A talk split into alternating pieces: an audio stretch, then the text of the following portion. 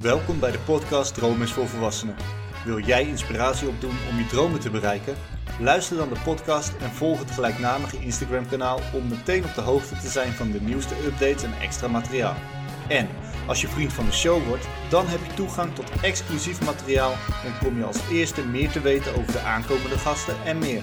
Vergeet ook niet om de show 5 sterren te geven in je favoriete podcastspeler. Vandaag heb ik Jorin Kamps te gast. Jorin heeft zich de laatste jaren als oefentherapeut ontwikkeld. Nadat hij de opleiding in Amsterdam heeft afgerond, is hij uiteindelijk begonnen in zijn eigen praktijk, genaamd Running Solutions. Een praktijk die zich specialiseert in het behandelen van hardloopproblemen. Daarnaast is hij ook de host van de gelijknamige podcast. Welke keuzes heeft hij gemaakt in zijn carrière en waarom werkt hij contractvrij?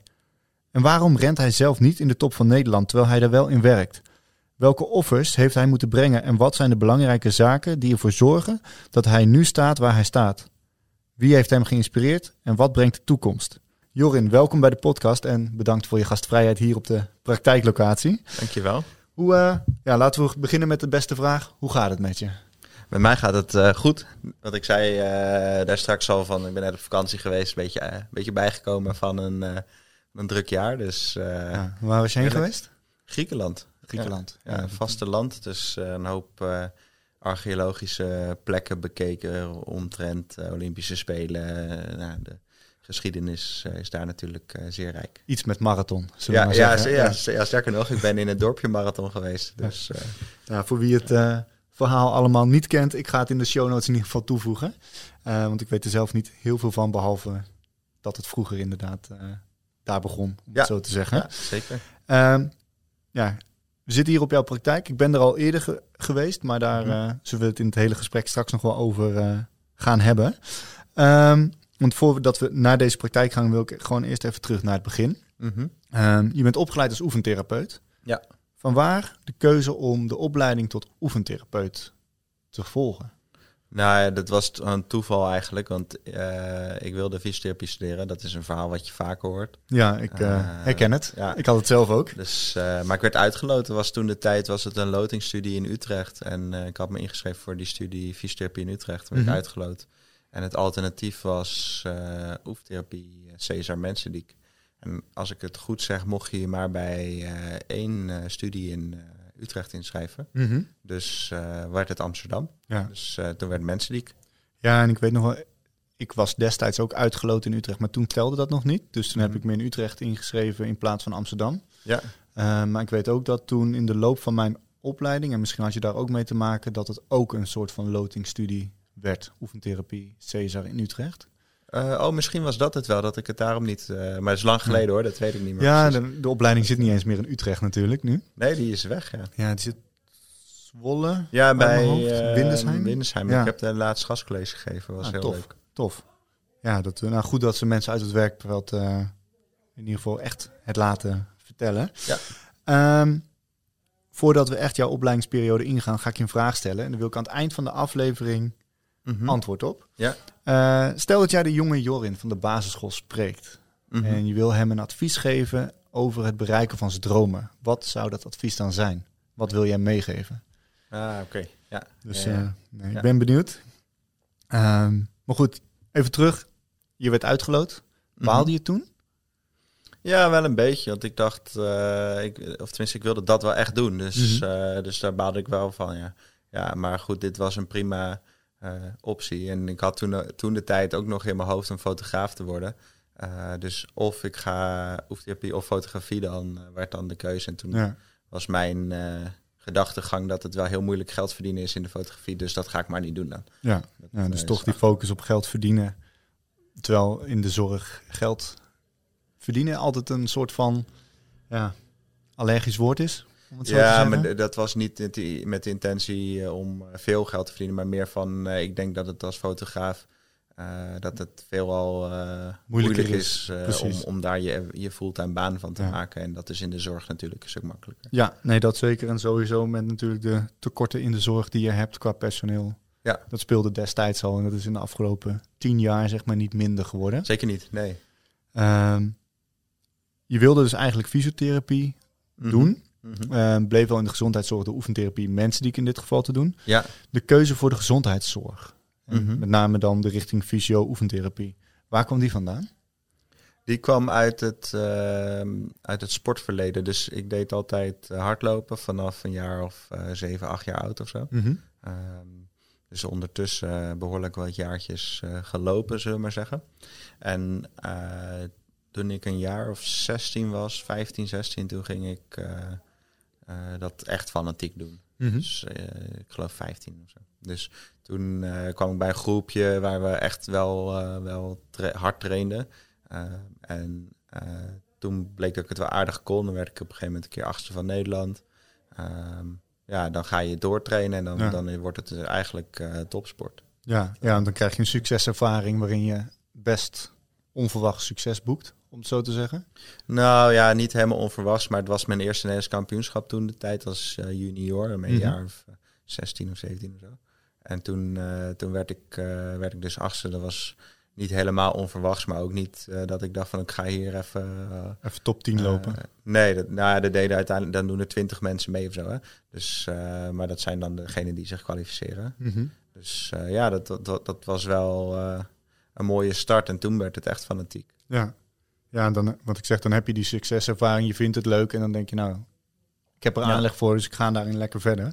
Ja. Hoe was dat dan ehm, tijdens je opleidingsperiode? Want je wilde dus eigenlijk fysiotherapie doen, je gaat wel oefentherapie doen. Maar mhm. was je op dat moment ook nog druk bezig met het stukje topsport? Zeker, ja. Want vanaf wat ik zei, vanaf mijn zestiende ben ik dat gaan oppakken. En dat heb ik uiteindelijk tot mijn 23ste, 24ste heb ik wel echt fanatiek hard gelopen. Mhm. Eh, ik zou op een gegeven moment het niet meer topsport willen noemen. Je traint dan wel tien keer per week of zo, maar dan ben je uh, ja, ook met andere dingen bezig. En, maar tijdens mijn studie heb ik dat wel volle bak gedaan. Dus uh, ik, ik, trainde toen wel gewoon ja, volle bak door. Ja, eigenlijk fanatiek recreatief, om het zo te zeggen. Ja, ik werd toen op een gegeven moment wel uh, vierde van Nederland op de steeplechase. Mm -hmm. nou niet het best bezette onderdeel, maar toch. en ik stond bij alle, alle afstanden die ik liep wel in de top 50 van het land. Ja. dus nou ja, dat, dan doe je wel aardig mee, maar internationaal gezien natuurlijk niet. Nee, dan moet je dus, echt wel top 3 in Nederland zijn, wil je internationaal iets kunnen doen. Ja, of nog meer. Ja. Um, ja. Was het dan lastig om dat tijdens je studie daadwerkelijk te kunnen combineren? Kon je nee. allebei heel goed doen? Ja, want ik vond de studie niet zo moeilijk.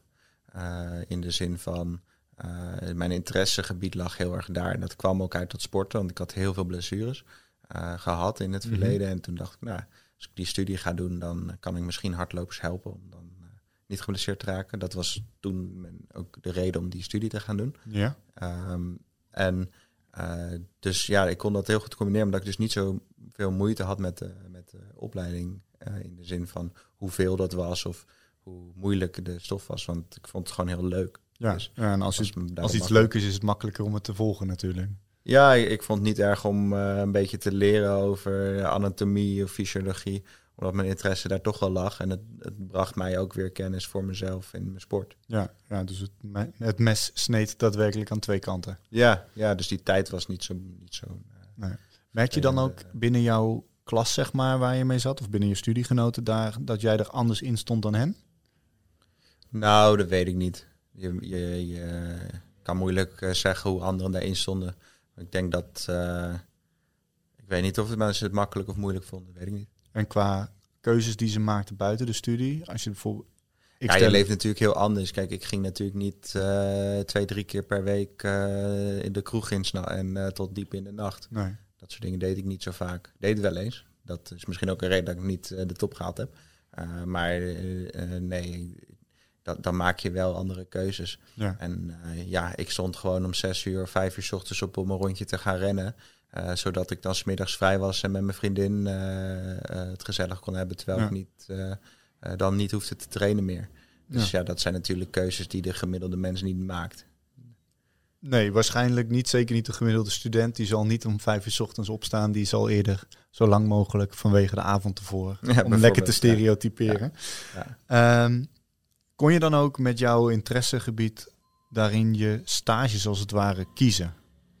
Nou, dat was wel grappig. Ik, uh, je krijgt dan in je eerste jaar een snuffelstage. En dat wordt volgens mij, als ik het goed zeg, gewoon een beetje at random ingedeeld. Mm -hmm. Dus dat, dat is, uh, ja, dat is gewoon willekeurig. Ja, gewoon op volgens mij op basis van waar woon je, waar kan je dan zo dichtbij Ja. mogelijk. Ja, en dan ga je twee volgen. dagen meelopen ergens. Hè? Ga je meekijken en met een beetje geluk mag je ook iets doen. Maar over het algemeen ben je aan het kijken wat, Ja. hoe dat vak in elkaar steekt. En toen mocht ik eh, bij... ehm, ben zijn naam vergeten, maar er was een oefentherapeut eh, die werkte bij Dansacademie Artes in... eh, eh, ja, waar zat dat ook weer? Apeldoorn of zo? Nee. Arnhem? Ja. Arnhem. En daar mocht ik twee dagen meelopen. Dus dat was echt topsport.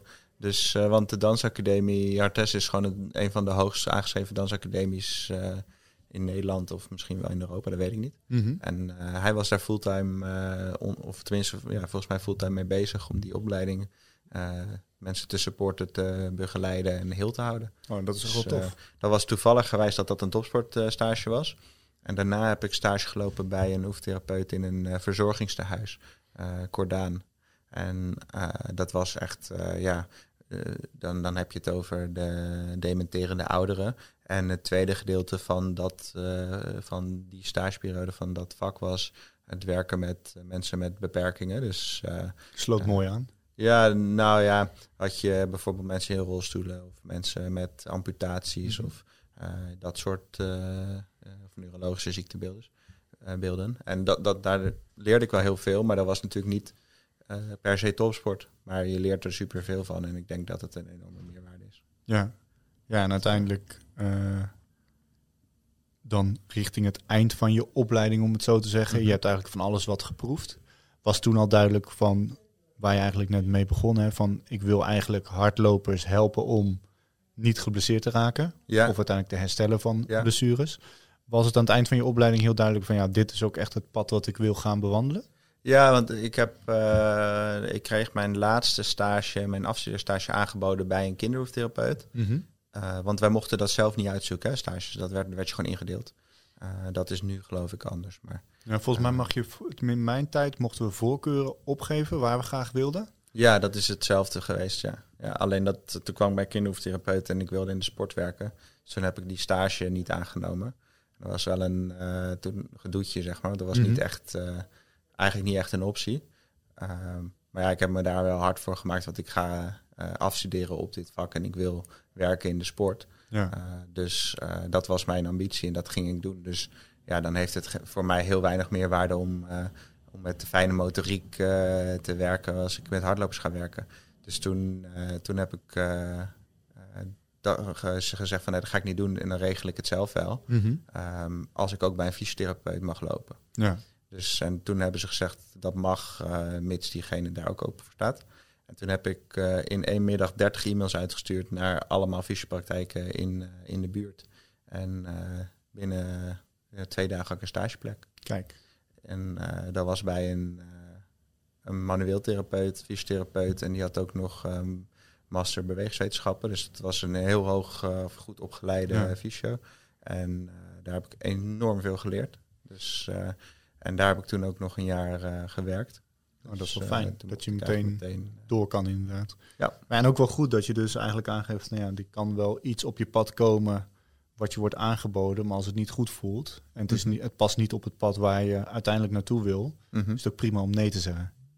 Ja, ja, je weet je, als je toch al weet wat je wil gaan doen, dan, uh, en het sluit daar niet op aan, dan, dan gaat het je dus niet, niet, niet hetgeen brengen wat je eruit moet halen om datgene wat je wilt te bereiken te halen. Ja. Ja. ja. en daarover gesproken, hè, van, je zei net al van 15, 16, toen begon ik met hardlopen en bleek dat ik wel een stukje aanleg erbij had. Dat bleek ja, ik begon toen ik acht was, maar toen ik Sorry. fanatiek werd was ik uh, een jaar of 15. Nou, ja. Toen je fanatiek werd, ja. uh, toen was het zo dat je daadwerkelijk ook uh, resultaten haalde. Ja.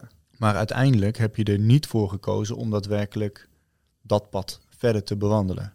Ja, toen ik uh, afstudeerde, toen uh, op dat moment trainde ik nog wel heel veel. Mm-hmm.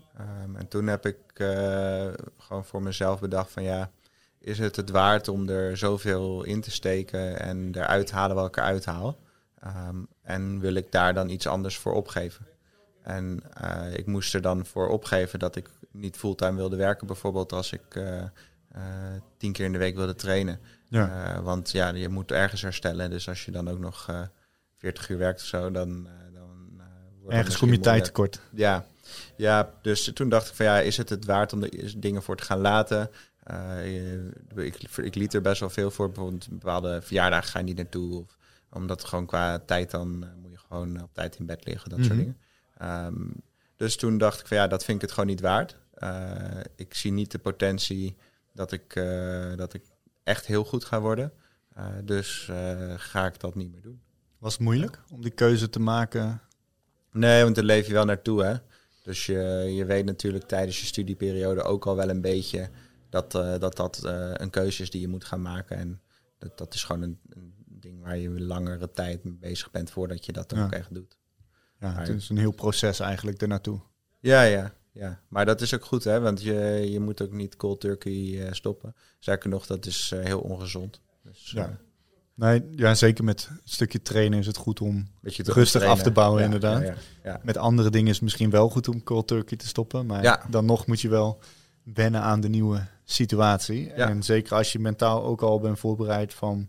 Ik ga stoppen, ik ken het van mezelf ook. Ik ben nu officieel zeg maar gestopt met selectievoetbal na 17 jaar. Ja, daar leef je ook al eigenlijk een heel seizoen naartoe. Mhm. Maar als het moment daar is, het laatste fluitsignaal, dat was wel even ja. een dingetje, zeg maar. Maar ik ben niet gestopt met rennen, hè, dus ik, ik beweeg nog wel. Dus dat is wel anders. Ja, Dat, eh, dus, dus ik ga nog steeds hardlopen. Ik heb toevallig recent nog een marathon gelopen. Weet je, dus je, je blijft wel lopen, maar je doet het niet meer om eh, zo snel mogelijk eh, Nee. te lopen. nee, het is, nou ja, dat herken ik ook. Ik blijf ook inderdaad ook wel gewoon voetballen. Maar op een lager niveau, de verplichting, Ja. Minder. Ja. dat is er gewoon vanaf. En dat Mhm. wordt wennen. Maar Ja, het voelt ja, ook wel is, lekker. eh, Maar ik merk wel dat ik de motivatie heb om wel gewoon lekker twee keer in de week op het veld te staan om te trainen. Ja. Maar zeker de zaterdagen, daar komt heel veel tijd vrij natuurlijk. En dat is ook wel fijn. Ja. Ehm, misschien voor de luisteraars ook wel leuk om te weten. Want wij hebben afgelopen jaar in hetzelfde intercollegiale overleg gezeten als Ja. oefentherapeuten. Eh, net als mijn eerdere gasten Mhm. Marco van der Heuvel en Saskia van Garderen. Ehm, ik weet nog wel, het was denk ik twee, drie jaar geleden dat jij aansloot bij ons. Twee jaar denk ik, Ja. ja. wat was voor jou die keuze om eh, ons zeg maar daarin te benaderen of in ieder geval aan te sluiten bij zijn overleg? Nou, ik zag dat op Facebook of zo voorbij komen toen. En toen dacht ik, ja, dat is misschien wel handig, want je krijgt er punten voor. Eh, dat is wat waard. Ik deed tot, tot die tijd alles alleen. Ik was Mhm. net hier in Hilversum begonnen eh, met de praktijk. Ik zat ervoor in Amsterdam ook echt in mijn eentje. Nu hebben we wat meer mensen, maar... du- dus eh, dan is het wel fijn om af en toe eens te kunnen sparren met andere mensen. Ehm, maar ook wel die punten dus. Ja, Ja, ja, dat Eh, horen we vaker hoor. Dat je, ja, misschien goed voor de luisteraars ook om te weten. ehm, heel veel paramedici, fysiotherapeuten, oefentherapeuten moeten punten halen om hun aan kwaliteitseisen te voldoen. ja. En een intercollegiaal overleg is een manier om dat te doen. Ik zat met toen de tijd met een zwaar tekort aan punten ook. Hè. Dus eh, nu, nu valt het mee. Maar ik liep eh, ongeveer drie jaar achter met punten Ja. halen of zo. Dus ik moest in, in, in anderhalf jaar tijd moest ik al mijn punten zien te halen voor vijf jaar. Ja. Nou, dat is vrij eh, moeilijk. Zeker als eh, corona er ineens eh, tussendoor komt. En dan is scholing een makkelijke manier om punten te halen. Maar alleen scholing niet is niet genoeg Nee, natuurlijk. scholing ging ook niet door.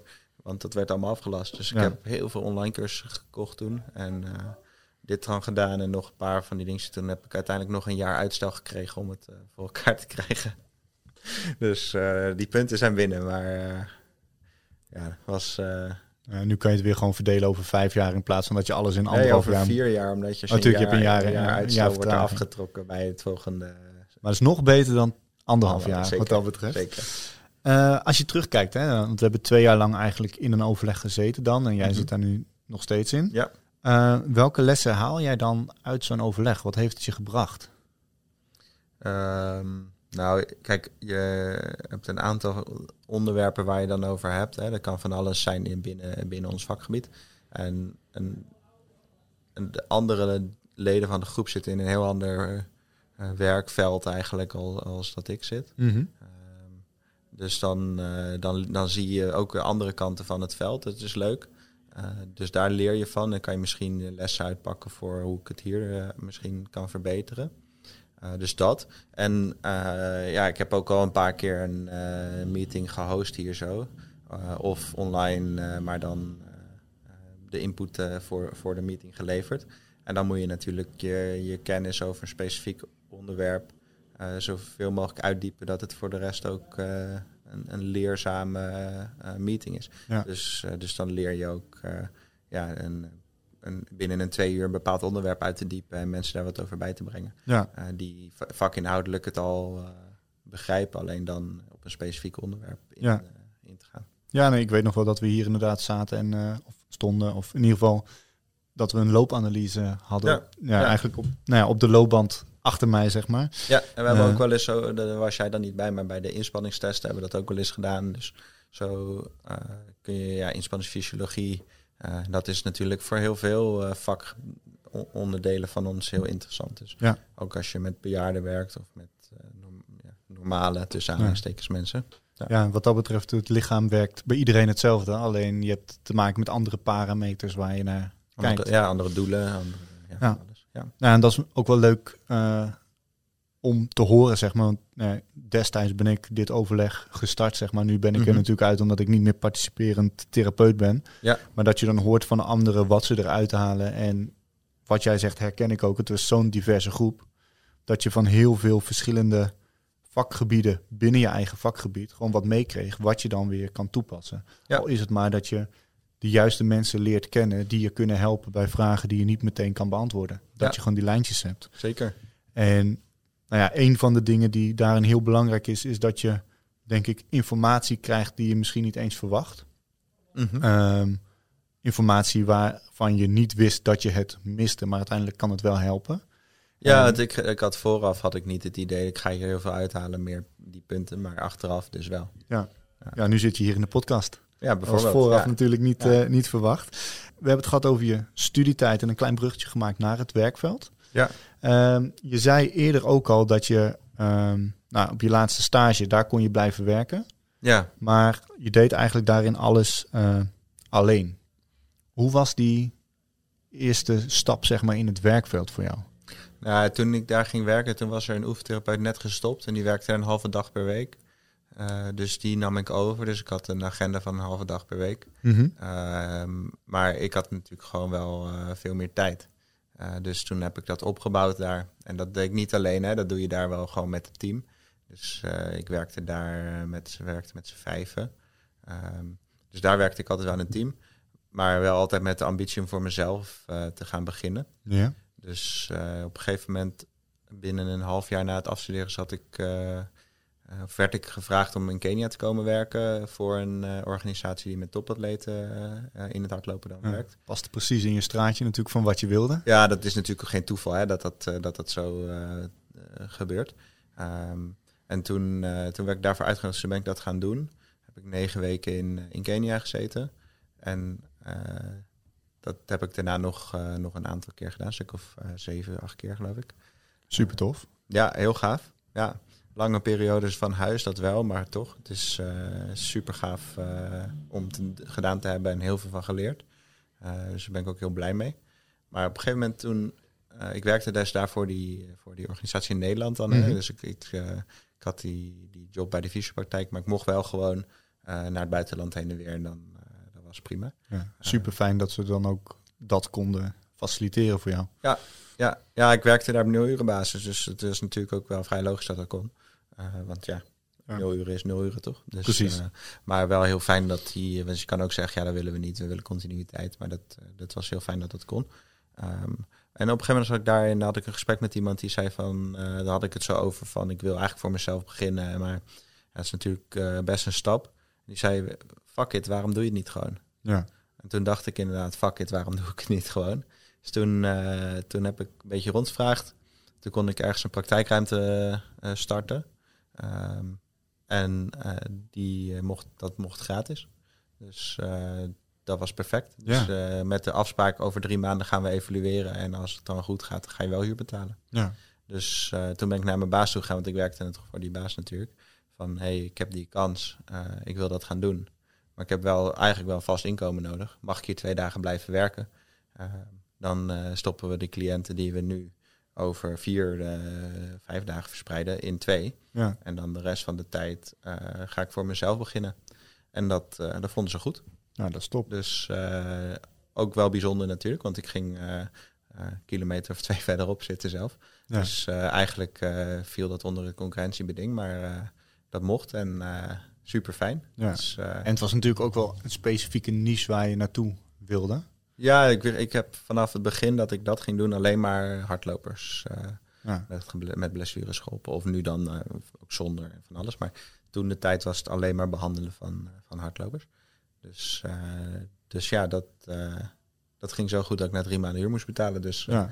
zo, De rest is geschiedenis, om het zo te zeggen. ja, ik geloof dat ik binnen zes maanden mijn baan toen kon opzeggen om Ja. er te, van rond te komen. Ja, en dan zie je dus eigenlijk die hele periode eigenlijk dat je hebt gebouwd van eh, af het feit dat jij, of vanaf het moment dat je daadwerkelijk ging, eh, of wat fanatieker ging hardlopen op je 15e, 16e, tot aan de studiekeuze die je hebt gedaan, je hard Mhm. maken voor het niet willen doen van een stage bij kinderen, Ja. maar juist echt richting dat stuk waar je zit, tot die eh, nou ja, periodes in Kenia om uiteindelijk daar te komen waar je de opleiding mee begon.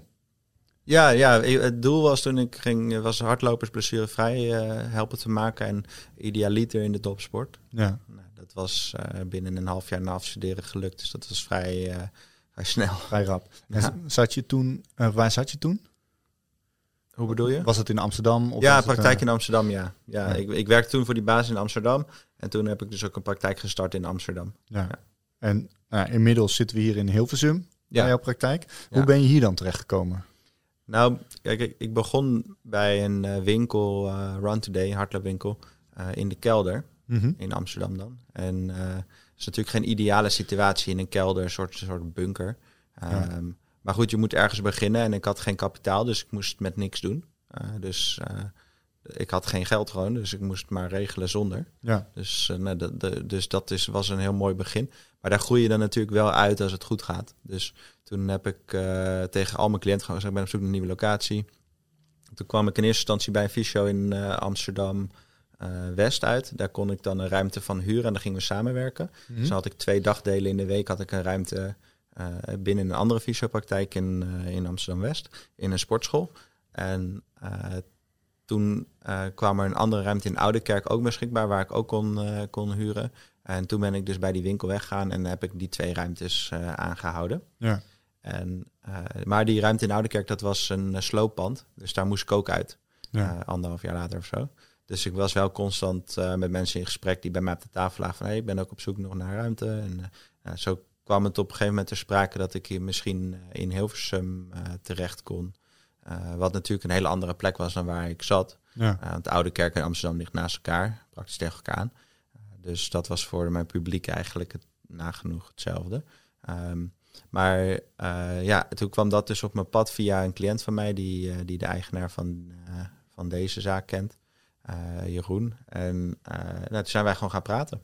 En dat is een triathlonzaak. en mm-hmm. we doen, of hij doet van alles in, in bikefitting, in wetsuitfitting, al dat soort zaken. Ja. Dus die, die overlap tussen triathlon en hardlopen is natuurlijk heel groot. Hè. De hardlopers uh, raken veel geblesseerd, maar triatleten ook binnen het hardlopen. Ja. Dus die meerwaarde van, van mijn werk, zeg maar, binnen deze zaak was heel groot. Um, en andersom ook, hè, want je, je hebt de wisselwerking naar elkaar toe. En die, uh, die hebben we aangegaan, die samenwerking, en uh, ben gewoon hier gaan, gaan huren. Ja. En dat is drie jaar, ruim drie jaar geleden nu, ja. denk ik. Zoiets. Ja, dan is het ook wel logisch op basis van wat je nu zegt, dat je, uh, als we teruggrijpen op net dat het stukje punten halen, er even niet in zat, omdat je heel erg bezig was om je eigen droom eigenlijk te bouwen. Om die ja, fundering kijk, te ja, hebben. Die punten moet je kopen. Hè? Dus je, want je koopt een cursus voor uh, 1000 of 2000 euro of zo. Ja. Weet ik veel. Uh, veel geld, vind ik. Um, Dan moet je hem wel uh, nog volgen, want je moet, je aanwezig zijn. Ja, maar... je moet de tijd ervoor maken. Je moet het geld ervoor hebben. Uh, en wat, wat ik deed was...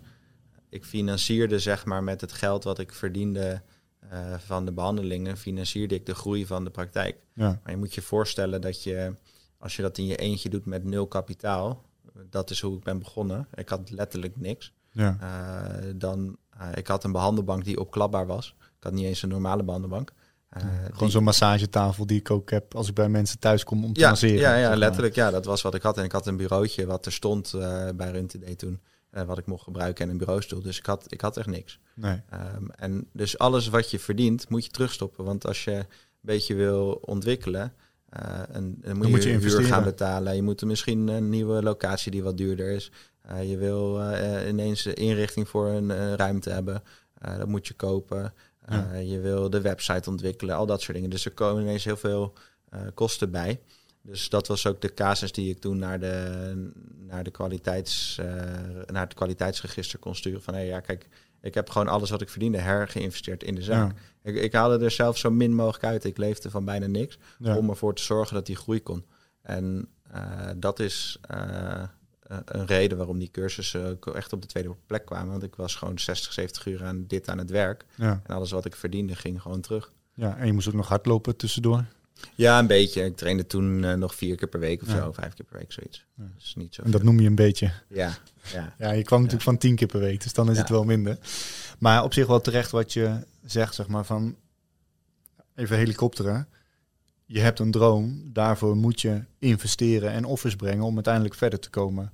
En moet je keuzes maken letterlijk van, oké, ik heb hier, noem even iets, 100 euro. Mhm. Ga ik dat stoppen in een cursus die ik uiteindelijk toch wel ook moet doen, want ik moet ergens ook wel die punten halen. Ja. Of ga ik het investeren in bijvoorbeeld mijn website, zodat mensen Mhm. mij beter kunnen vinden en dat ik op die manier ja, mensen verder kan Ja. helpen, maar vooral mezelf in mijn droom verder kan helpen. Zeker. Ja. ja, en wat jammer is, is natuurlijk dat je, je kan geen punten halen met het ontwikkelen van een bedrijf. Nee, Terwijl dat eigenlijk een heel groot gedeelte is van ons werk, is, is het zorgen dat er mensen hier binnen staan. ja, dus, dus het ontwikkelen van je naam, het ontwikkelen van een bedrijfspagina, uh, het ontwikkelen van je diensten, dat soort dingen worden niet voor punten gedaan. Maar ik heb denk ik een hele grote slag op professionalisering gemaakt voor de, voor, uh, de diensten die, die ik bied. En uh, dat dat op een goede manier gaat. Dat, Ja. dat is ook uh, een, een proces waarvan je superveel leert en uh, waar je kwaliteit als therapeut van omhoog kan gaan. ja. Ja, en dat En, niet eh, alleen. Ik weet ook nog wel dat ik eh, met onze voorzitter destijds heel veel contact heb gehad met en de VVOCM en het kwaliteitsregister, omdat we bijvoorbeeld het wilden hebben over pensioenopbouw Mhm. binnen de oefentherapie, wat gewoon niet geregeld is. Nee, er is niks. Nee. Dus je moet het zelf regelen, Mhm. maar daar krijg je, net als het stukje wat jij net zegt van je onderneming verder uitbouwen, daar krijgen we geen les in. Nee, Maar we willen- één of twee keer op school. Ja, maar we willen wel allemaal dat we, zodra we 18 zijn, zeg maar, al onze financiën zelf kunnen regelen. Maar op Ja. het moment dat je zegt van ja, oké, ik wil ook straks over 20, 30 jaar de vruchten plukken van mijn werk wat ik heb gedaan. En dus niet Ja. van een oude weetje of wat dan ook. eh, Nee, je wil wel een beetje pensioen hebben of je wil ergens een inkomstenbron hebben die, eh, die eh, gegarandeerd eh, ja, wat te bieden heeft als je stopt met werk. precies. En nou ja, het jaar erop was er weer dezelfde discussie, waarin we weer dezelfde argumenten hebben gebruikt. Want uiteindelijk is het natuurlijk heel belangrijk dat je, eh, als je het hebt over het stukje bedrijfsvoering, dat je ook dat stukje voor jouw pensioen goed kan regelen. En ik weet binnen de fysiotherapie, dan moeten ze, zeg maar, de praktijk waar je werkt, die geeft jou een bruto loon bovenop jouw loon, zeg maar. In sommige praktijken werkt het zo. Wat je dan voor je pensioen kan investeren. ja, Tenminste, wat je bij het pensioenfonds van de fysiotherapie moet doen. maar die hebben het verplicht. Hè? Binnen de fysiotherapie is wel Ja. verplicht iets. Maar nu komt het leuke, hè? Want dat wat je moet afdragen is gebaseerd op een percentage van je bruto loon. Ja, maar dat is heel onduidelijk in natuurlijk. Ja, maar, maar nu komt echt het leuke. Dat bruto loon wat ze nemen, is dus het bruto loon wat je krijgt. Maar er zit dus die pensioenafdracht in. Dus als jij 10% zou moeten afdragen en je verdient 1000 euro, dan nemen ze bij die pensioenorganisatie 1100 euro. Ja, Als je bruto loon. Dus niet de 1000 die je krijgt, nee, de 1100. Ja. En daar gaan ze dan ja lekker zitten. handig. Ja.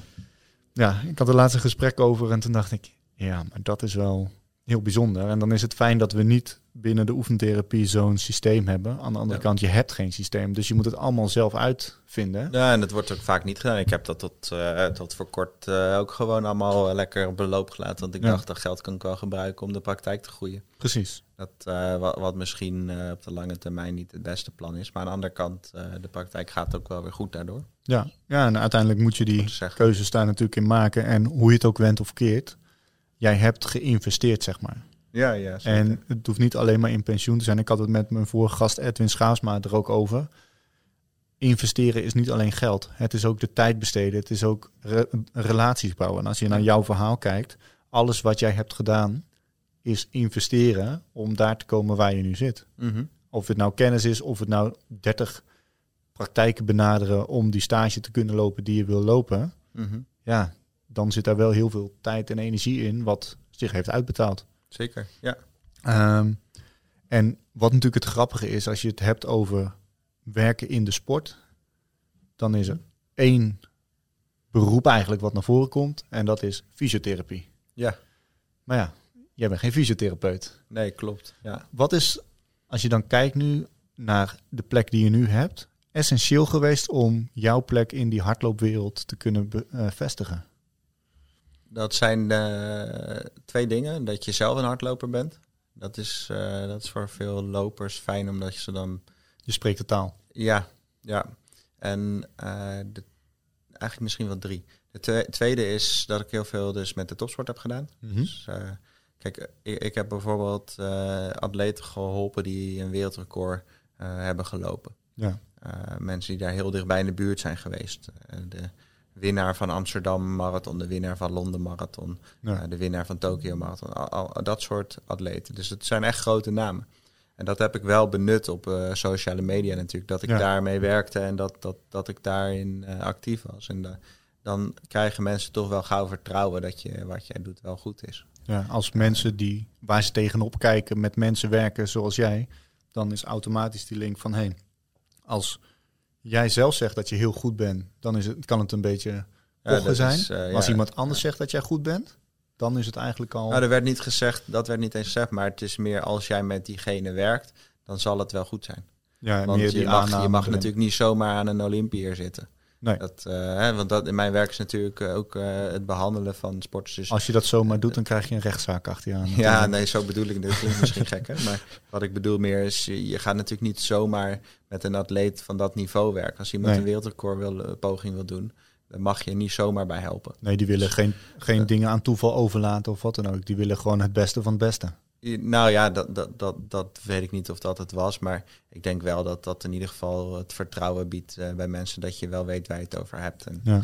eh, dus dat heeft veel, eh, veel geboden. Ehm, dus die, die twee dingen zijn denk ik het belangrijkste. Ja, je had er drie. Ja, ik zit nou te denken, nu ben ik hem kwijt natuurlijk. Dat, misschien kom ik hem zo wel. Ja. kom Ja, ik dat, zo wel op dan gaan we gewoon even kort erop terug, want het ging erover. Je was een hardloper, je hebt gewerkt met topsporters daarin. Ja. Oh ja, wat, ik, wat een ander ding is, ik, ik schrijf ook graag eh, artikeltjes of stukjes eh, kennisdeling. Ja, Eh, dat is ook een reden dat ik die podcast begonnen ben over hardloopblessures, of hardlooptechniek. Die, die kennisdeling, dat, ik denk dat dat ook heel veel biedt.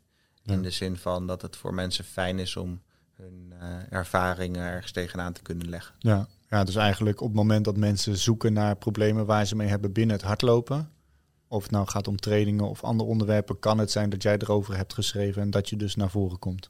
Ja, ja, zeker. Ja, we hebben volgens mij nu iets van 8000 mensen per maand eh, eh, op de website. Ja, Dus, eh, dus er wordt wel veel gekeken en gelezen. Ja. En ik schrijf ook voor andere organisaties wel eens wat. En ik, denk, ik denk dat dat, dat dat ook enorm helpt om, eh, om hardlopers eh, het vertrouwen te bieden dat je weet waar je het over hebt. Ja. En eh, het maakt mij niet zoveel uit of mensen hier komen of bij een andere therapeut of iemand die ze kan helpen met hun blessure. Maar wat ik wel heel belangrijk vind is dat mensen de juiste kennis gedeeld krijgen en niet de onzin van een heleboel onderwerpen die omheen staan. nee, En, dat, dat gebeurt al genoeg, zeg maar. Ja, dus, dus wat ik probeer is eigenlijk gewoon in mijn visie op dingen te delen. eh, dan wel eh, eh, wetenschappelijk onderbouwd of dan wel gut feeling. Ja, maar in ieder geval probeer ik mensen in de juiste richting te helpen, ook al komen ze hier niet. Ik, dat vind ik het belangrijkste. Dus dat je Ja. met een beetje extra kennis jezelf al kan helpen. ja. nee, dat, ja, kennis is macht, zeggen ze. En dat Ja, maar kennis moet je daarom ook delen. Want als je het voor jezelf houdt, dan.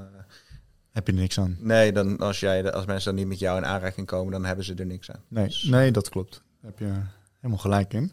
Ehm, is dat dan ook wat jou als eh, praktijkeigenaar onderscheidt? Of hoe onderscheidt de praktijk?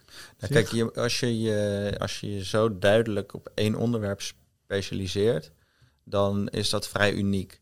Dus als, als je in de Nederlandse zorgwereld kijkt, hè, dan heb je bijvoorbeeld het ziekenhuis of je hebt, het, je hebt van die privéklinieken, Mhm. zoals Bergman en zo. Ja. En daar zitten hele duidelijke specialisten. Dan heb je gewoon een, een orthopeed, een hersenchirurg, noem het maar op.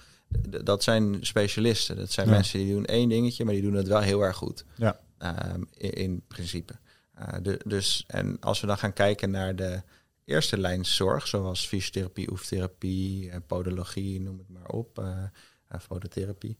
Eh, al die vakken, dat zijn over het algemeen vrij algemene eh, behandelaars. Meer Dus generalistisch. ja, en dat is heel goed, hè? Dus la- laten we dat niet. Dat is niet een slecht iets, maar het is daardoor eh, wel zo dat er dus vaak een hele goede basiskennis over iets is, maar er is niet de extreme diepgang in een onderwerp, eh, wat misschien soms eh, wel nodig is. Ja. Dus wat wij proberen met de praktijk is juist, eh, juist die diepgang in dat hardlopen te brengen. Want dat, dat is een, eh, een stuk of tien hardloopblessures die heel veel voorkomen. Eh, en als je dat dus dagelijks tegenkomt, dan ga je ook beter begrijpen wat daar gebeurt. Dan ga je beter eh, kunnen analyseren waarom die klachten ontstaan. Gaat Eh, herkennen Ja, in, het, in een vroeger stadium. en die, daardoor kan je misschien mensen die met een klacht lopen die wat complexer is, maar wel voor jou herkenbaar, maar misschien, eh, misschien eerder of beter helpen. Of na lange, na lange blessure leed daaruit eh, helpen. Ja. En ik denk dat dat, dat, is, dat, dat specialiseren, dat dat echt een, een ding is om dat, eh, dat te kunnen doen. Ja, en zeker binnen de oefentherapie.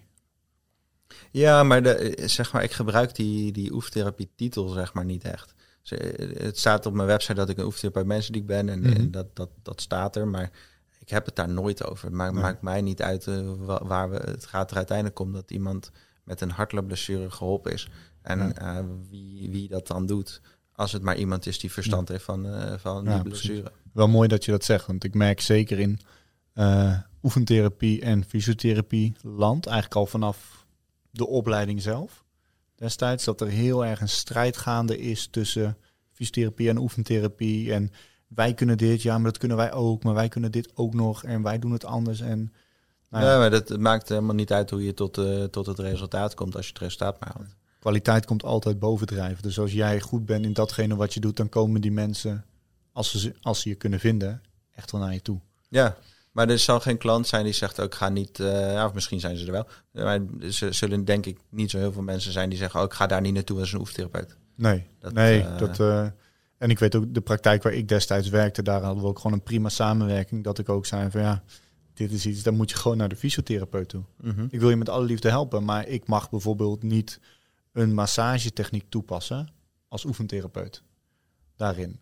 Eh, plus, als iemand dry needling of shockwave of iets dergelijks nodig heeft, kan ik niet. Ja, Ga dan ja maar dat kun je natuurlijk wel een cursus voor doen. Dat hebben wij Zeker. hier natuurlijk allemaal in huis. Dus Ja, eh, ik heb geen shockwave voor, maar dry needling kunnen we. We hebben al die dingen gewoon hier. ja.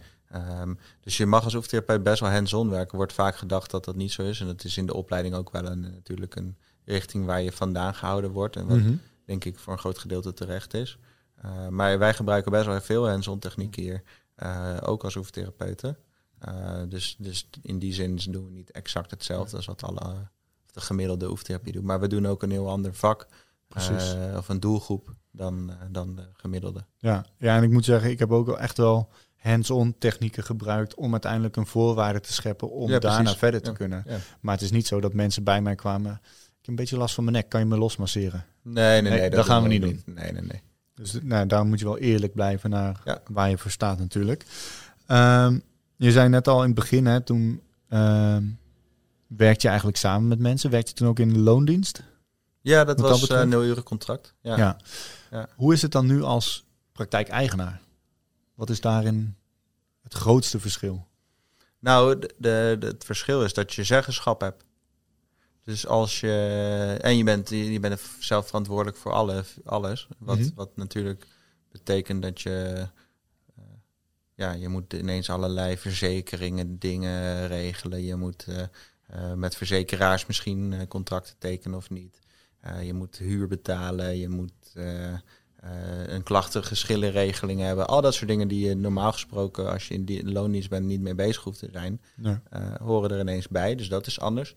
Eh, maar je moet ook gaan nadenken over waarom hoe, komt iemand bij mij binnen? Want uiteindelijk kan je natuurlijk die toko niet runnen als je geen geld verdient. Nee. Dus er, dus er moeten hier mensen op de behandeltafel komen Ja. om, om dat te kunnen doen.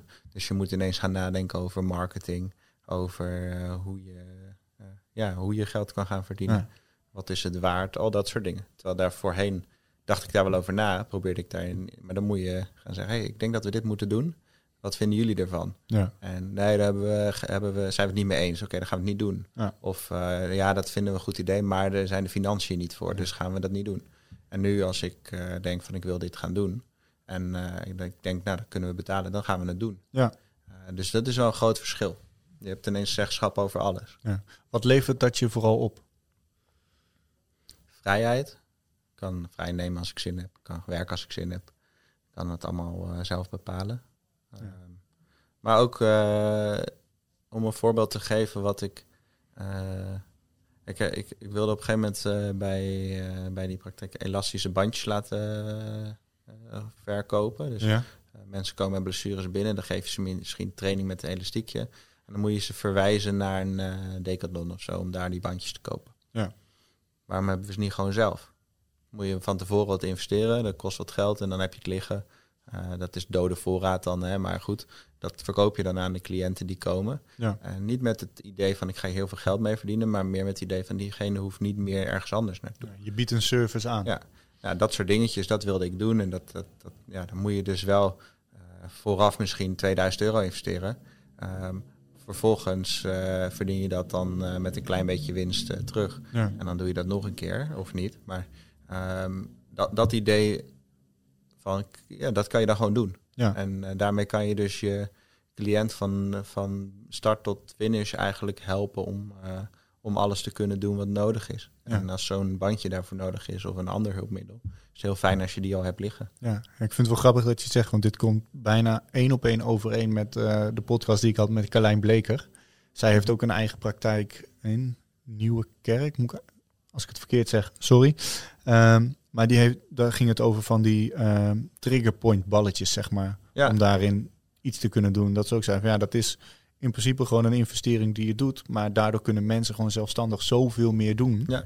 Ja, die heb ik hier ook liggen. Die geef ik altijd gratis mee. ja, Dat, eh, eh, dus als mensen hier onder behandeling zijn en dat is nodig, dan krijgen ze er eentje mee. Ja, dat is natuurlijk een super klein ding om mee te nemen. Om uiteindelijk, als jij ergens wil hardlopen of je bent niet in de buurt van een praktijk die je kan helpen, Ja, om zelf wel iets te kunnen doen om Mhm. het uiteindelijk wat fijner voor jezelf te maken. zeker.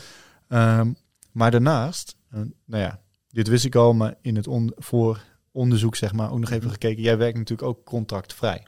Ja. Eh, kun je voor de luisteraars kort uitleggen wat dit precies is en dan ja, aangeven wat dit je oplevert? Nou, kijk, je, je hebt in de zorg eh, heb je dat je kan contracten tekenen met de verzekeraar. Hè? Dus eh, Als aanbieder. ja, iedereen heeft een zorgverzekering in Nederland. En dan kan je een aanvullende verzekering nemen voor eh, andere dingen dan je basis. Dus bijvoorbeeld fysio- en oefentherapie vallen onder eh, de aanvullende Ja. eh, polis. Dus dan betaal je maandelijks geld en dan krijg je een x-aantal behandelingen vergoed als Ja. je die gebruikt. En wij aan de zorgver- zorgverlenerkant moeten dan een contract tekenen met een verzekeraar waarin staat wat de eisen zijn vanuit de verzekeraar om dan daarin een bepaald bedrag vergoed te krijgen. Ja. Dus dan krijg je bijvoorbeeld, het goed zeg, als je een eh, behandeling doet op een behandelcode, krijg je eh 40 euro of zo. Nou, volgens mij is het minder. Ik heb geen idee. Tussen Ik, de eh, 30 35 euro. Oké, nou dan, Voor dan- een, ik, ik half uur, nooit, zeg maar. eh, ik heb die afspraken niet, dus ik heb geen idee. Maar, de, dus, maar die contracten die zijn eh, standaard, Mhm. zijn eh, niet onderhandelbaar. Eh, dus, Ook al wordt er wel gezegd dat dat zo is. Ja, maar dat is niet zo. Dat ze zeggen, eh, je kan het, maar dat is echt niet waar. Nee. Je kan echt niet met ze aan tafel komen om dat, eh, dat te bespreken. nee, en het mooie is nog, als je meerdere praktijken een standpunt wil innemen, dan is het kartelvorming en dat mag ook niet. Nee, dus eh, nou goed. Die, eh, die discussie is voor een andere keer, denk ik. Maar ik, dus niet voor nu in de podcast, ja, maar ik, ik wilde die contracten om die reden niet tekenen, omdat ik zoiets heb van ja, ik vind. laat ik het zo zeggen. Ik wil, als ik als ondernemer denk, dan wil ik vrijheid hebben in de keuze die ik maak. Mhm. En dat kan dus betekenen dat ik langer wil behandelen dan eh, een, Normtijd. normtijd, wat ongeveer neerkomt op 25 minuten tot een half uur per behandeling. Nou, ik, ik denk dat je dan je, je cliënt uh, tekort doet. Uh, zeker als het om ingewikkelde problematiek gaat. Zeker als het gaat om revalidatie van sportblessures. Of om een eerste contact waarin je echt ja. moet uitzoeken wat is er aan de hand en wie is degene die er voor me zit. Ja, dus, maar da dat is dus niet. of dat is wel mogelijk. Je kan langer behandelen, maar je krijgt niet meer betaald vanuit de verzekeraar. Dus toen dacht ik van ja, hoe moet ik dat dan oplossen? Dan betekent dat dus dat ik niet ga samenwerken met de verzekeraar. Maar dat de cliënt het achteraf zelf moet gaan indienen. Ja. Um, dus wat, wat ik heb gedaan is uh, vanaf het allereerste begin uh, gezegd van ik ga geen contracten tekenen. Ik ga elke behandeling een uur doen. En intakes doe ik anderhalf uur over. En, en nu zelfs twee uur als het nodig Mhm. is. Uh, ligt een beetje aan wat ze mensen dan bij me boeken. En die, die afspraken ga ik dus niet maken met verzekers. Ga ik gewoon zelf zo doen. Ja. En dan uh, hoeveel mensen er voor goed krijgen, dat verschilt dan een beetje per verzekeraar, per polis. De, maar dat weet ik allemaal niet en dat maakt me ook niet zoveel uit. Hoef je ook niet mee bezig te houden? Nee, dat is aan de klanten zelf om, om daarna naar de verzekeraar toe te gaan daarmee. Ja. En dan uh, over het algemeen krijgen ze iets, uh, iets van vergoeding terug. Maar wat ik daarvoor terugkrijg is veel relaxtere behandelsfeer. Ik hoef niet te haasten, ik kan gewoon kwaliteit bieden in de gegeven tijd die ik dan daarvoor nodig heb Mm -hmm. of wil gebruiken. En uh, de, de, het gemiddelde aantal behandelingen gaat enorm omlaag. Ja. Dus ik hoef niet zes keer te behandelen of uh, negen keer, maar ik ben meestal met twee of drie keer klaar. Ja. Uh, ja, je hebt wel meer tijd benut in die twee, drie keer, maar je hebt wel snel resultaat in die ja. zin. Um, dus, dat, dus dat is wat, wat ik heel erg fijn vind. Ja. En het tweede is dat je een hele andere doelgroep aanspreekt. Dus ik wilde toen toen ik voor die praktijk werkte, dan werkte wel met verzekeraars. En dan zie je heel vaak toch mensen die komen omdat het vergoed wordt. Dus, maar die zijn zelf niet intrinsiek gemotiveerd om iets te veranderen wat nodig is om die uh, blessure of pijn of klachten die ze hebben op te lossen. Ja. En toen ik voor mezelf ging beginnen, toen dacht ik, ik wil eigenlijk alleen maar werken met mensen die hardlopen belangrijk vinden, die hardlopen leuk vinden, die daar weer naar terug willen komen uh, als ze geblesseerd zijn. En uh, dan, dan wil ik dus dat diegene gemotiveerd is om datgene te doen wat nodig is. En het niveau is onafhankelijk. Hè? Dus het maakt mij niet uit of mensen nou net beginnen met hardlopen, een marathon rennen of uh, een ultramarathon. Alles daartussenin. Ik zie hardlopers van de simpelste, simpelste begin Mhm. tot de meest complexe uh, loper die je kan verzinnen, zeg maar. Alles daartussenin is goed. Maar ik wil wel dat die motivatie van die persoon is, ik wil beter worden. Ja. En uh, doordat je die financiële commitment hebt, hè, want dit wordt dus niet volledig vergoed en je moet het vooraf zelf betalen, of tenminste als je hier bent, hè, dan krijg je gemotiveerde mensen. Ja. En dat werkt veel leuker. Ja, eigenlijk wat je hierin hebt gecreëerd is dat een klant zeg maar, die bij jou komt, eigenaarschap neemt voor het herstelproces, maar ook dat offer van dat stukje financiën brengt. Van ja, oké, okay, ik geef aan dat ik beter word. Dan moet ik dus ook daar een financiële bijdrage voor leveren. Mm -hmm. Ja, het is eigenlijk uh, skin in the game, om het zo te zeggen. Ja, want op het moment dat jij uh, dat die, die commitment maakt om hier naartoe te komen, dan sta je dus open om te verbeteren. Maar dan, ja. dat kost dus geld. En als het geld kost, zie je ineens dat er uh, een andere situatie ontstaat. Ja, dat is wel grappig hoe dat dan werkt bij mensen. Ja, dat is heel logisch. Dat ook. Ja. Dat ook. En je zal op dat moment ook de, wat mens, of de mensen die wat meer uh, ja, chronisch zijn, is niet zozeer het goede woord. Maar de mensen die het toch wel fijn vinden om door een therapeut behandeld te worden in plaats van zelf daadwerkelijk trouw oefeningen doen of er zelf echt aan werken, die hou je wat meer buiten de praktijk, waardoor die motivatie er meer is. Ja, het maakt ook je werk herstellen. leuker. Hè? Kijk, je, je moet je voorstellen dat je een, uh, een, een geblesseerd iemand in de praktijk krijgt en je onderzoekt die blessure en je zegt, nou, we zien dit. Mhm. We denken dat dit de oorzaak is, dit is het gevolg, zo werkt het. Dit is wat er moet gebeuren uh, om dat op te lossen. En dat is heel vaak een stukje uh, wat mensen zelf moeten doen.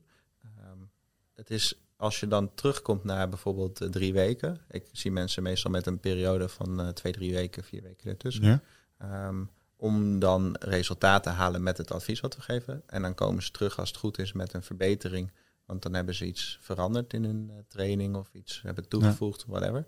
Ja, als ze dan terugkomen en het niet gedaan hebben, dan is de situatie hetzelfde als daarvoor. Behalve dat de tijd overheen is gegaan. Ja. Dan kan een blessure best weg zijn. Hè? Als je zes weken wacht, is het misschien wel weg. Ja. Ehm, maar als je, als je dus niks doet, dan verandert er over het algemeen ook niks. Nee. Ehm, dus, dus dat is fijner werken, want je krijgt iemand terug die daadwerkelijk iets gedaan heeft. Ja. En daar kan je op doorbouwen. Dus dat is veel fijner dan als iemand terugkomt na een week. Oh, niks gedaan. Ja, Ja. da- dus dan, dan zeg ik gewoon gerust van oké, als je niks doet, dan heb je hier niks te zoeken. Ja. Dan, eh, dan- Nou, ik zei dat ook wel eens tegen patiënten hoor. Van dat half uur dat je bij mij in de praktijk zit. Dat is niet zo interessant. Het gaat erom wat je tussen de behandelingen doet. ja, Of dat je datgene wat je hebt aangereikt gekregen in die behandeling, dat je daarmee verder gaat. ja, Want ik heb daarin een plan, maar een van de belangrijkste dingen die je moet doen, als patiënt in dit geval, als klant, is dat plan uitvoeren. mhm. En wat denk ik ook nog wel een van de, voordat ik het vergeet, een van de dingen die dat contractvrije werk voor jou heel erg oplevert, is toch weer die vrijheid dat je dus kan kiezen. Ik zie een patiënt één uur, zeg maar, in plaats van een half uur. Waardoor jouw werkdruk enorm omlaag gaat. Want Ja. de aantallen die zijn al minimaal gehalveerd. Ja, want toen ik voor een baas werkte, zag ik er soms eh 16 eh, behandelingen per dag. Ja. Ja, dat haal ik nu niet hoor. Nee, ik, ik heb ook weken, weken gehad hoor. Dat, of dagen gehad dat ik echt letterlijk tussen de 16 en 20 patiënten op een Ja. dag zag. Ja. En dan ben je helemaal afgedraaid aan het eind van de dag. Ja. Want elk half uur moet je toch weer klaarstaan. Ja, en, en dat is gewoon niet prettig. Dat is ook voor iedereen die in die situatie zit, de cliënt en de behandelaars. niet Ja. Nee, en dan is het heel fijn dat die financiële prikkel van zoveel mogelijk mensen zien er dan uit is. En dat je dus daadwerkelijk kwaliteit kan leveren. Ja, nou, nou zie je wel bijvoorbeeld, hè, ik kan wel een voorbeeld geven. Toen ik net begon, toen, eh, of dan ben je een jaar bezig of zo. Dan, eh, dan, heb je, dan loopt het wel, hè, dan heb je wel je cliënten. Maar dat is natuurlijk niet vol. Dus dan heb je wel die tijd, maar je hebt nog geen volle agenda. Nee. Uh, dus dat betekent ook dat je, dat je financieel misschien niet zo heel erg veel uh, omzet. Dus wat, wat je dan uh, op een gegeven moment krijgt, is dan. Ik, ik had wel eens bijvoorbeeld dat mensen dan zeiden: Ja, ik ben heel blij met hoe je mij geholpen hebt. Mijn uh, vriend of vriendin of kennis of buurman of whatever, die heeft uh, last van zijn schouder. Kun je daar eens naar kijken? Ja. Maar mijn commitment was: ik ga focus vol op hardlopen. Dus ik ga die andere dingen niet meer doen. Maar ik kon misschien die behandeling wel heel goed gebruiken. Dat deed ik niet. Nee. Maar eigenlijk is, is dat dus ook. Hè, dan dan kan je, ben je financieel uh, als praktijk misschien nog niet waar je wil zijn. Je omzet is misschien niet zo hoog als dat je zou willen of nodig hebt. Uh, maar toch koos ik er dan voor om dat dan niet te doen. Ja. Terwijl uh, dat is dan misschien financieel gezien wel de betere keuze. Ja. maar het is, ja, vind ik, mijn, mijn focus ligt op hardlopen. Dat zijn de blessures waar ik heel veel van weet, waar ik veel mee doe. Die mensen wil ik helpen. Die kan ik ook heel goed helpen. Ja. En daar vraag ik een, uh, een, een, vergoeding voor, die anders is dan de basisverzekering uh, biedt. Daarom geen contracten. Maar dan kan je dus ook niet, het niet maken om die kwaliteit niet waar te maken. Nee. Dus als je die kwaliteit niet kan leveren op het gebied van schouderblessures, dan moet je dat ook niet doen. Nee. En uh, dat is dus, ja, financieel levert het je misschien wel uh, een ander, uiteindelijk een andere situatie op. Alleen uh, daar moet je wel naartoe werken. En in het begin is dat zeker niet zo. Nee, nee en dan dat zijn de verleidingen heel groot om dat dan toch te doen. Maar uiteindelijk als je trouw blijft aan jezelf, ja. dan... Ja, dat is ook heel veel waard, hè? want uh, liegen is nooit goed. Dus als je iemand laat komen die met zo'n klacht komt, terwijl je daar eigenlijk niet op niveau bent wat je zou willen bieden. Ik, bedoel, ik heb het geleerd op school, hè, dus ik weet het allemaal wel. Maar ik weet niet zo goed als dat ik het weet van hardlopen. Dus ik vind die kwaliteit is niet even eh, eh, eh, gelijk. En dan kan je het eigenlijk niet maken om dat te gaan doen. Nee. Nee, en ja, kwaliteit komt dan altijd wel weer bovendrijven. En dan is het ook gewoon bela van ja, belang. mensen vinden het ook fijn. Hè? Kijk, stel je voor dat jij uh, met je schouderklacht... Jij kent mij niet en je, je, ziet, je hoort via via, da daar wordt goed werk geleverd. Uh, ik wil daar naartoe. Je belt mij op en je zegt ik heb last van mijn schouder. En ik zeg nee, dat ga ik niet doen, want daar ben ik niet goed genoeg in. Ja. Dat doe ik niet zo vaak, dus doen doen we niet. Dan denk jij, oh, dat is uh, aardig dat hij eerlijk is. Ja, ja de, ja, de kracht van kwetsbaarheid door te zeggen van ja, dit is hetgeen waar ik niet goed in ben. Dus je Ja. kan beter bij iemand anders Ja. die zorg krijgen. Want Precies. uiteindelijk is het doel niet zoveel mogelijk geld verdienen, maar juist dat de zorg op de juiste plek is. Dus Voor dat, dat, dat was in het begin is dat heel lastig, want dan is die, eh, ja, die, eigenlijk zeg je gewoon nee tegen omzet, Ja, die je misschien wel heel goed kan gebruiken, maar dan moet je dat alsnog doen om, om Ja. aan het einde van de dag naar huis te gaan met een goed gevoel. ja, ja, je moet jezelf in de spiegel aankijken. Ja. En als we het dan hebben over hoe kijken mensen tegen jou aan, eh, social media is natuurlijk ook wel een ding wat je zeker kan benutten om je praktijk op, de, eh, ja, op een voetstuk te plaatsen, of in ieder geval om toonbaar te maken van dit is wat we kunnen. Hoe, be- ja, hoe belangrijk is social media voor jou? In het begin heel veel. ehm, om te laten zien wat je doet, wie je bent, eh, waar je voor staat. eh, kennisdeling, waar ik het eerder over had. Ehm, nu doe ik daar steeds minder mee, maar eh, dat moet ik eigenlijk wel doen. Alleen wat je ziet is dat het goed gaat. En dat betekent dat je gewoon steeds minder tijd hebt. Ja, Want als het tijd zich vult met, met cliënten of werk daaromheen, eh, dan worden dat soort dingen opzij geschoven omdat er minder tijd voor is. ja, Dus, eh, dus dat is wat je nu een beetje merkt bij mij, is dat gewoon de praktijk gaat gewoon goed en we hebben veel cliënten, we helpen veel mensen en dat groeit. En daardoor is er steeds minder tijd om dat soort dingen te doen. ja, Eh, dus daar zijn we mee bezig om te kijken van hoe kunnen we dat nu wel goed doen om dat te onderhouden. Want het is, wat ik zei, mijn voornaamste focus met al dat soort dingen is niet zozeer mensen hier naartoe krijgen. Vind het leuk als mensen hier komen en we kunnen ze helpen. Dat, dat is absoluut fijn. Maar het doel is voornamelijk het delen van wat wij weten. Wij weten heel veel van hardlopen. Wij weten veel van inspanningsfysiologie. Al die zaken weten we veel van. En we willen dat graag ook openbaar maken om mensen te leren over hoe het anders kan of beter kan. Of, zodat ze verder kunnen met hun lopen. ja, En als we ze dan daarbij mogen helpen, is dat heel fijn. Maar het doel is voornamelijk delen van kennis. ja. ja en het is natuurlijk dan, eh, als je het op die manier gebruikt als medium, dan heeft het een hele andere insteek dan je, dat je per se zoveel likes wil hebben, zoveel volgers wil hebben, los van het feit dat je dat bijna niet kan eh, ja, beïnvloeden. Nee, er zitten al die algoritmes en dat gelul zit er allemaal achter. Maar wat je. En dat is ook helemaal niet zo relevant. Als er, als er één iemand per dag zou kijken die er wat uithaalt, is het dan mooi Ja. meegenomen. ja, en als je kwaliteit zeg maar kan leveren en de inhoud goed is, dan is dat het belangrijke. Dan gaat Mhm. het niet om de aantallen of het aantal views of wat dan ook. Als je dan terugkijkt hè, op je hele periode van eh af het moment dat jij de opleiding tot oefentherapeut ging starten, Mhm. wat zijn dan de belangrijke kansen die jij hebt gepakt om daar te komen waar je nu zit? Tijdens de opleiding of Eh, van, eh, in die hele periode sinds de opleiding. Nou, de, de afstudeerscriptie die ik over hardloopanalyse heb gedaan, dat, dat, was, dat heb ik zelf eh, geïnitieerd en dat mocht. Dus eh, dan moet je een casus maken dat je dat wil doen en dat mocht. Dus dat was fijn. Ehm, ik heb een eh, minor in leiderschap gedaan. Ja. Dat binnen, niet binnen de zorg, dat was een economische minor bij de Hogeschool van Utrecht. Dus eh, dat was ook een uitzondering die ze konden maken of wilden maken nadat ik een business case had geschreven waarom ik dat wilde. Eh, en daar heb ik heel veel geleerd en eh, in gegroeid. Ehm, en daarna natuurlijk naar Afrika gaan. Ja. Dat heeft een enorme boost aan mijn ja, werkende leven ja, gegeven. kan ik me heel goed Dus, voorstellen. En hier in Hilversum gaan zitten, meer in het midden in het land. dat, en- die podcast die we zijn gaan maken, dat geeft een heel groot bereik. En dat is ook fijn. Ja. Dat veel mensen kunnen helpen. Ja, precies. En dat zijn natuurlijk de mooie kanten van het bereiken van jouw dromen. Ja, Maar zijn er ook tegenslagen geweest? ja hoor, zat. Vertel, vertel. Zat. ja, je maakt natuurlijk van alles mee. Maar eh, nou ja, zeker aan het begin wat ik zei, ik had geen kapitaal toen ik begon. Eh, ja, dan zit je soms wel eens met je cashflow. Van hey, er, is, er komt geen geld binnen, Ja. eh, want de mensen betalen te laat of eh, noem het maar op.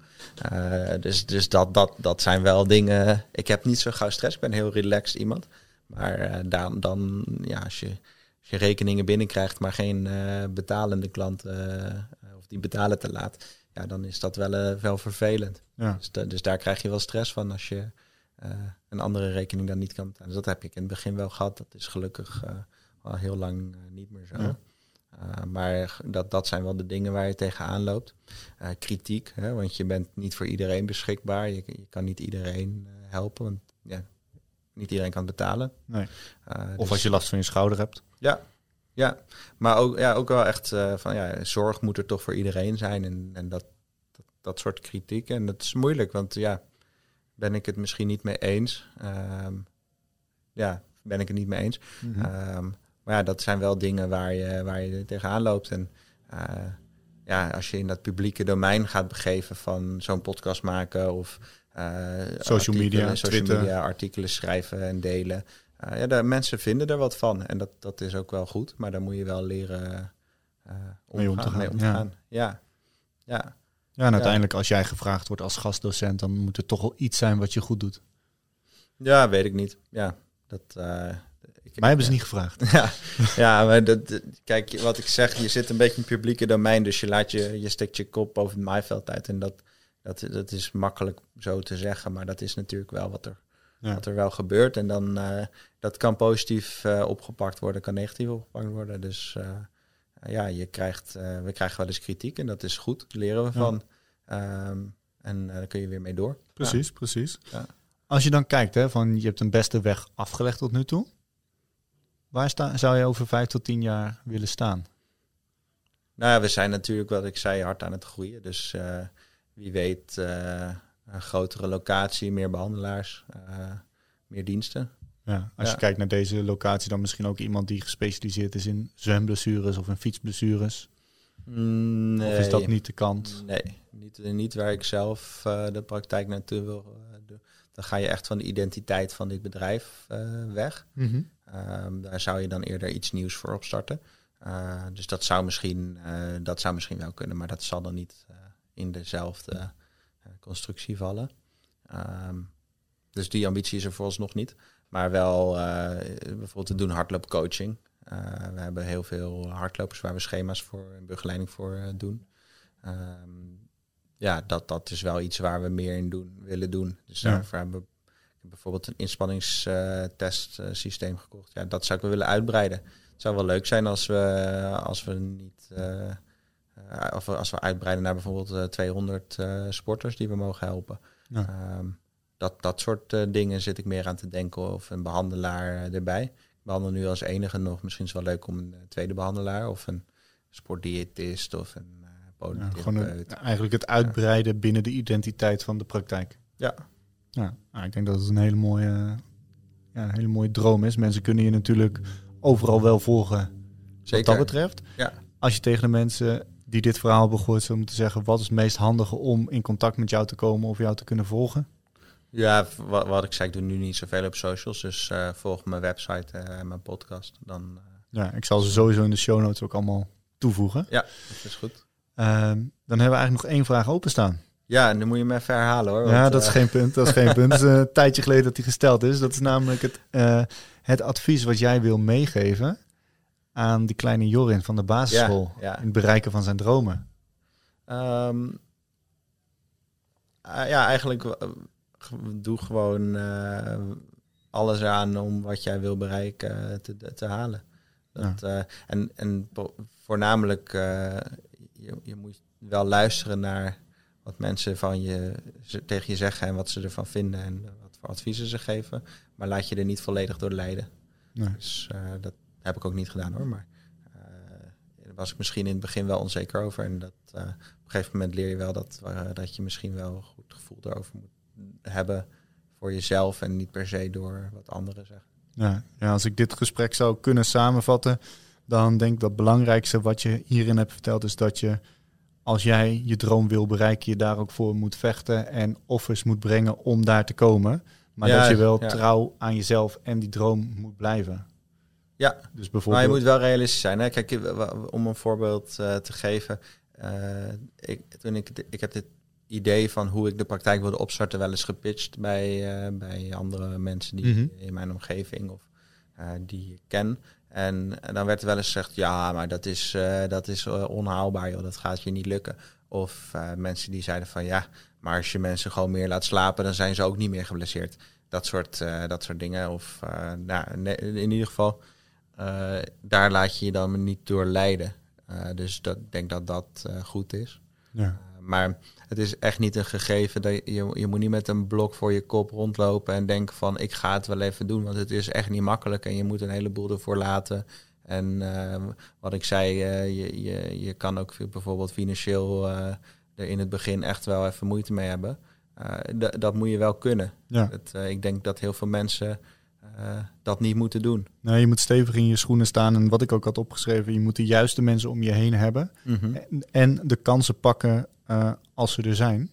Ja, zeker. Ja. Ik kan ook nee kunnen zeggen. Ik ga niet naar Afrika. Ja. ik waarschijnlijk niet, niet hier gezeten. Nee. Nee, en ik denk dat er uh, heel veel mensen blij zijn, waaronder jij zelf, dat je hier toch zit. Zeker, ja. ja. ja dus, maar dat, het is je hoort heel vaak dat mensen zeggen hard werken, dan lukt het. En uh, dat, dat is allemaal bullshit, joh. Je, je, moet hard werken, maar het is echt niet een gegeven dat het lukt. Nee. Heel veel mensen, en dat heb ik ook echt wel gezien, de, van jonge ondernemers die, uh, die er echt heel hard voor werkten, maar het niet hebben gehaald. En dat is echt niet uh, doordat ze niet hard werkten. Nee. Dus er zijn zoveel andere factoren die daar invloed op hebben. En ja, je hebt dan een stukje dedication, hard werken, uh, de, de juiste kansen pakken en een stukje geluk misschien. Ja. Uh, maar alles bij elkaar maakt dat het dan voor iemand wel lukt of niet lukt. Ja, zeker. En ook uh, je moet het kunnen verduren dat het niet van de een op andere dag gedaan is. Als jij kijkt ja. naar je hele proces, zeg maar, vanaf het moment dat jij serieus begon met het hardlopen tot aan nu, wat je daarin allemaal hebt gedaan en hebt benoemd, zoals en beginnen met wat serieus trainen, vervolgens kiezen voor een opleiding waarin je binnen je opleiding superveel hebt moeten investeren om de dingen te kunnen doen die jou uiteindelijk richting deze praktijk helpen. Mhm. Tot het krijgen van een baan op basis van nul uren contract, waardoor je naar Kenia kon in die periodes. En op die manier ben je steeds een stapje verder gegaan. Ja. Tot uiteindelijk nu dat je hier zit in deze praktijk op de plek die je eigenlijk vanaf het begin van je opleiding wilde hebben. Of misschien Ja. is dit de eerste fase van waar je naartoe wil. Nee, dit was eh, wat ik toen dacht wel als einddoel te hebben. Dat verandert Ja. dan natuurlijk wel, maar eh, ja, maar dat is eh, dat kost een heleboel. Tijd, energie. ja, ja, je moet een hoop voor doen. Ja. Dat gaat er niet vanzelf. Nee. Dus wil jij als luisteraar je dromen bereiken, weet dan zeker dat je er veel moet, voor moet doen. Dankjewel in ieder geval voor het luisteren weer naar de podcast Droom is voor Volwassenen. En tot na de zomer.